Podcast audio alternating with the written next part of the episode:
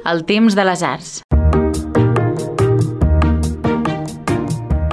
Ei, hola. Benvinguts novament a la tria setmanal del Temps de les Arts. Avui, per primera vegada, destaquem un article d'en Jaume Radigales, un Verdi amb trempera, sobre l'òpera de Josep P. Verdi i el Trovatore, publicat el passat 28 d'octubre. Des de la indigerible trama, contraposada per la sublim música, fins a aspectes personals de la relació de Verdi amb algun personatge, l'autor ens dona pistes per entendre millor una de les obres més populars del mestre italià. Recordeu que després de la introducció de Jaume Radigales podreu escoltar l'article sencer llegit per la veu de l'Isidre Sánchez.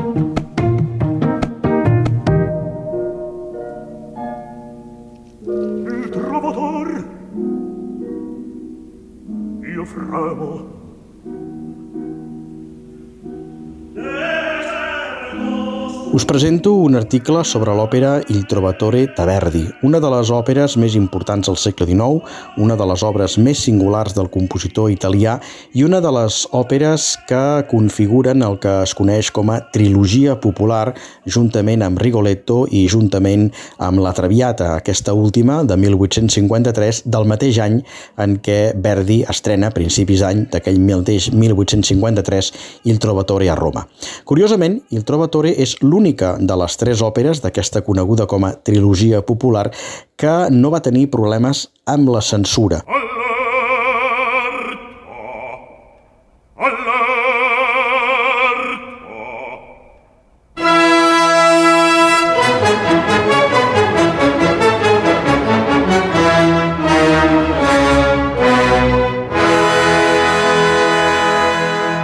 Rigoletto els va tenir perquè el, un dels personatges protagonistes era en l'obra original de Victor Hugo un rei, objecte de l'intent d'assassinat de, del seu bufó, del bufó de la seva cort, i de rei va passar a ser rebaixat a la categoria de duc, el duc de Màntua.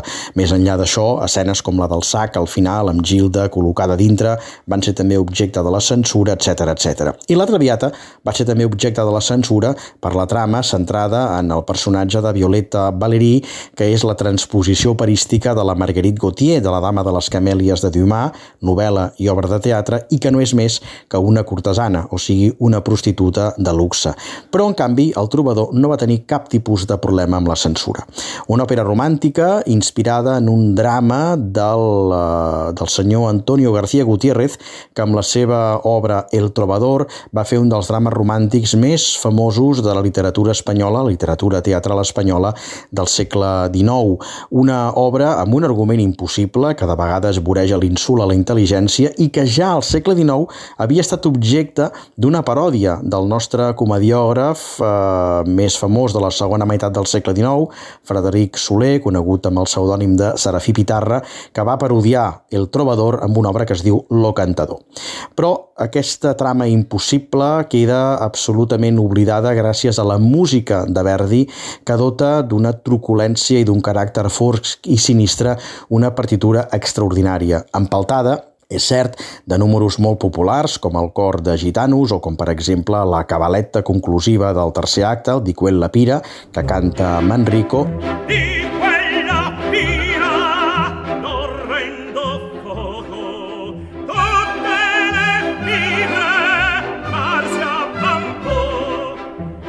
que és una òpera molt centrada en el psicologisme dels personatges, una òpera focalitzada en aquest triangle amorós que configuren Manrico, el trobador, la seva estimada Leonora i el comte Luna, rival de Manrico i que és també eh, un home que desitja eh, Leonora.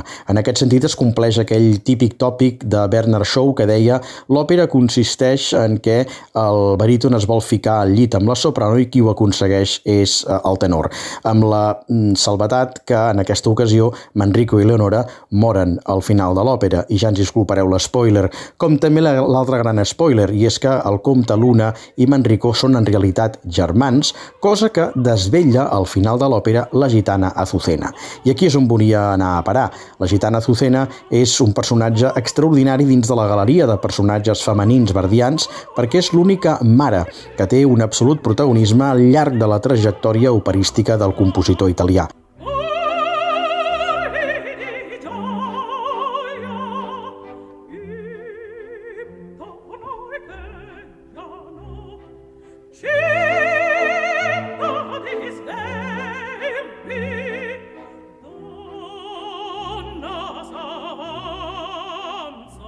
Verdi estimava amb bogeria la seva mare, que havia mort no feia gaire quan va estrenar aquesta òpera, i és la mare per antonomàsia de la galeria verdiana, un paper escrit, el d'Azucena, per una mezzo-soprano que ha de fer front a una part fosca, a una part sinistra, com el que acompanya també gran part d'aquesta obra tan obscura, segurament una de les més tenebroses de la trajectòria verdiana.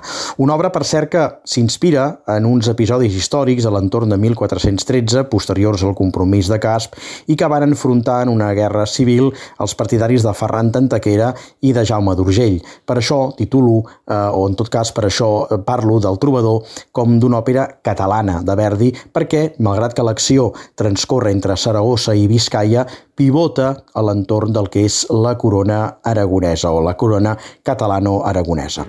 Per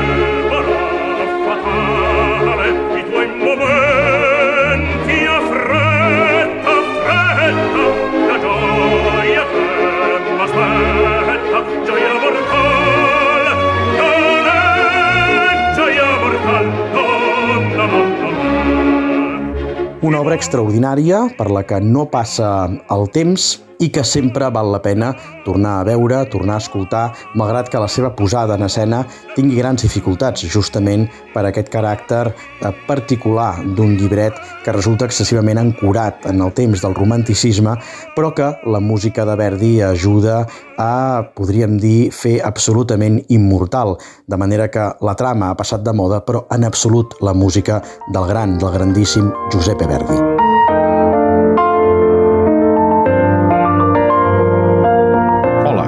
Soc Damià Morós.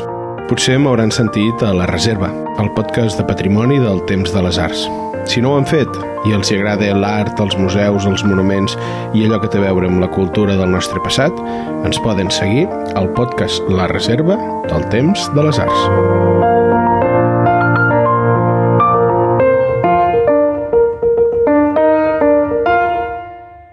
Un Verdi amb trempera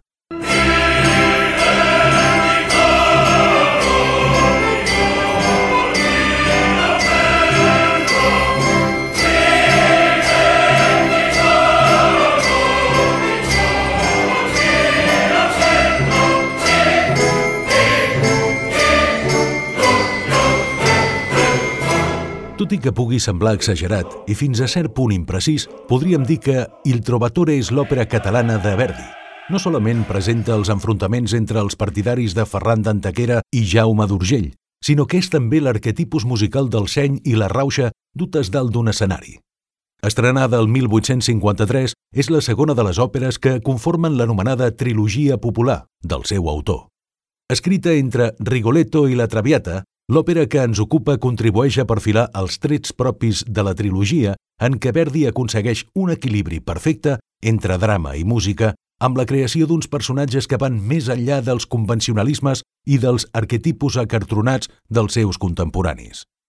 Il Trovatore, tan admirada per Luigi Pirandello, torna a recuperar en moments determinats el popularisme, mai populisme, del primer Verdi, però també el relleu psicològic en personatges de pedra picada que, com Azucena, estan exquisidament definits.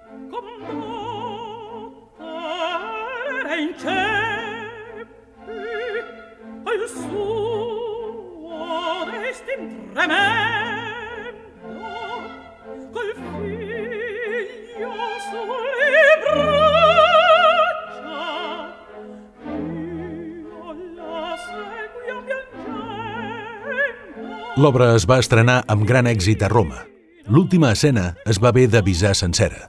Amb tot, algú va definir l'òpera com a excessivament macabra, a la qual cosa Verdi va respondre «M'acusen per l'òpera, massa trista i amb massa morts, però és que la vida no és tot mort? Què hi ha que existeixi?» Paraules que defineixen el pessimisme d'un home com Verdi que també va saber retratar els ambients sòrdids en les seves òperes. Pensem en personatges com Iago, Totelo, o en el final de Rigoletto, per no parlar del furibund Requiem. De seguida, el trobador es va representar a les principals capitals europees com París, Viena, Londres o Barcelona. A la capital catalana, l'òpera es va estrenar poc més d'un any després de la seva estrena a Itàlia, en concret el 20 de juny de 1854 al Gran Teatre del Liceu. L'òpera compta amb el llibret de Salvatore Cammarano, acabat per Emanuele Badare des del moment en què Cammarano va morir, que va adaptar per a l'òpera l'obra teatral El trobador d'Antonio Gutiérrez, dramaturg espanyol contemporani del cèlebre Duque de Rivas, l'autor de Don Álvaro o La fuerza del Sino, que amb el temps esdevindria l'òpera verdiana La forza del destino.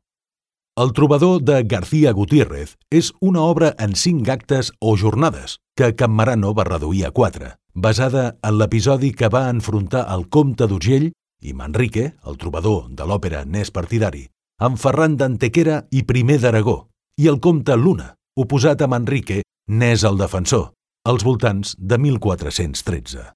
Una història que conté inevitables errors històrics i fins i tot tocs xenòfobs.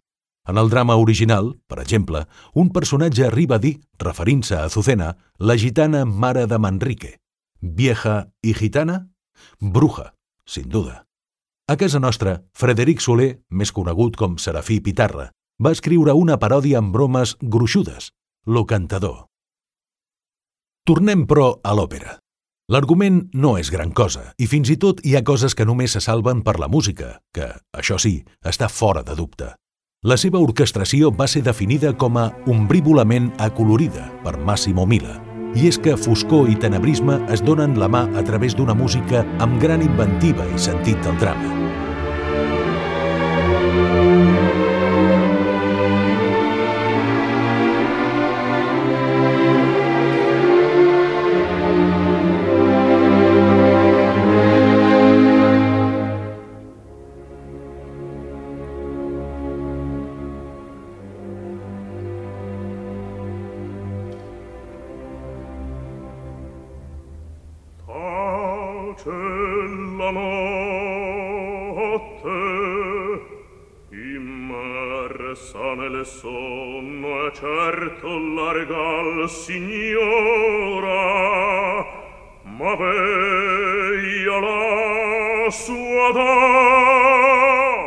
Malgrat el títol, l'autèntica protagonista és Azucena, la gitana mare de Manrico.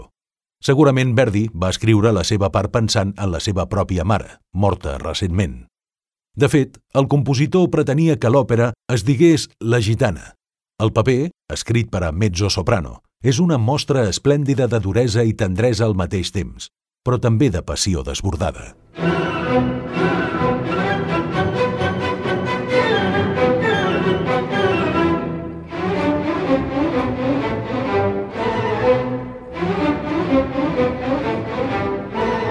Gitanos i hilaritat marxista o marciana. Qui no coneix el so del mall i el martell dels gitanos que entonen la seva cançó al principi del segon acte d'Il Trovatore? És un dels cors més cèlebres, ja no de Verdi, sinó del repertori operístic en general. Els mateixos germans Marx van utilitzar-lo per una de les escenes antològiques de la no menys antològica A Night at the Opera, Sam Wood 1935. Més enllà de Harpo, Chico i Groucho, amb el cor de Gitanos Verdi evoca l'esperit popular de les primeres òperes del seu catàleg, però amb una escriptura musical que revela el gran mestre que ja era aleshores.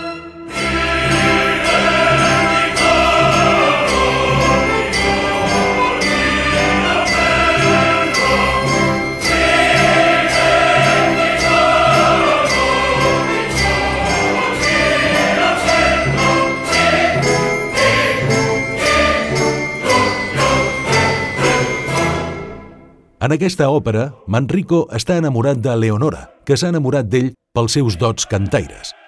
El prototipus romàntic evocant una escena medieval en què la noia espera el seu trobador troba en l'òpera de Verdi el seu punt àlgid en l'àrea de Leonora, Tace la notte placida, moment del primer acte en què la noia espera el seu enamorat.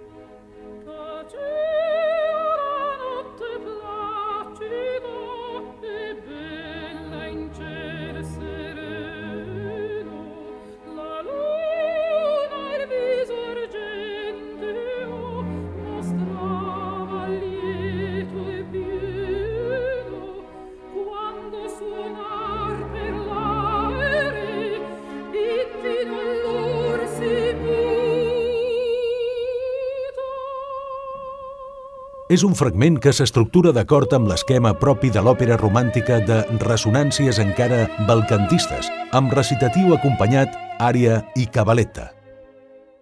La figura de Manrico també està molt ben definida per la música verdiana.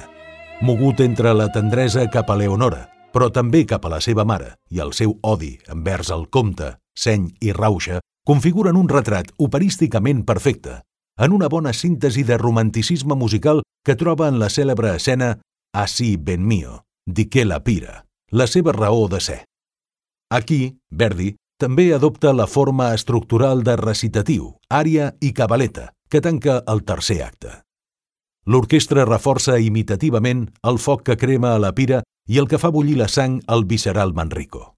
Tan visceral que pocs tenors poden interpretar-lo amb encert sense caure en el ridícul.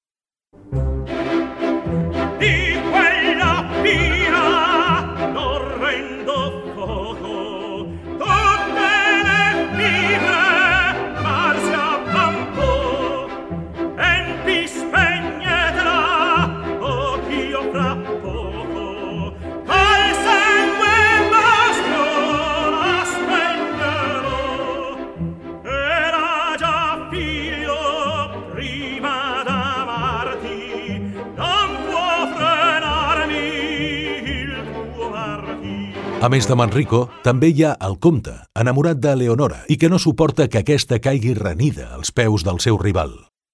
La corda del baríton és la més apropiada per a un personatge esplèndidament dibuixat per la música de Verdi que tan bé va fer els barítons. Falstaff, Macbeth, Iago, Rigoletto, Germont o Nabucco són alguns dels grans personatges baritonals de Verdi, cosins germans de Luna.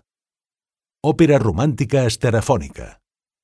En una òpera tan netament romàntica com Il Trovatore, no podia faltar la inevitable escena d'amor.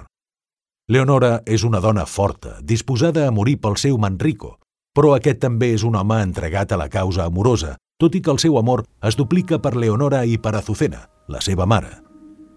El quart acte de l'òpera conté una escena antològica, la del Miserere, amb un extraordinari efecte sonor tripartit. En escena, Leonora, que sent com canta el trobador des de les masmorres, tancat com està per defensar a Azucena, i demana a la seva estimada que no l'oblidi. Leonora es desespera i mentrestant un cor cantà un miserere, un himne de clemència per als qui moriran. Una escena amb un efecte teatral fulminant, amb una bona planificació estereofònica perquè Verdi juga amb tres plans sonors,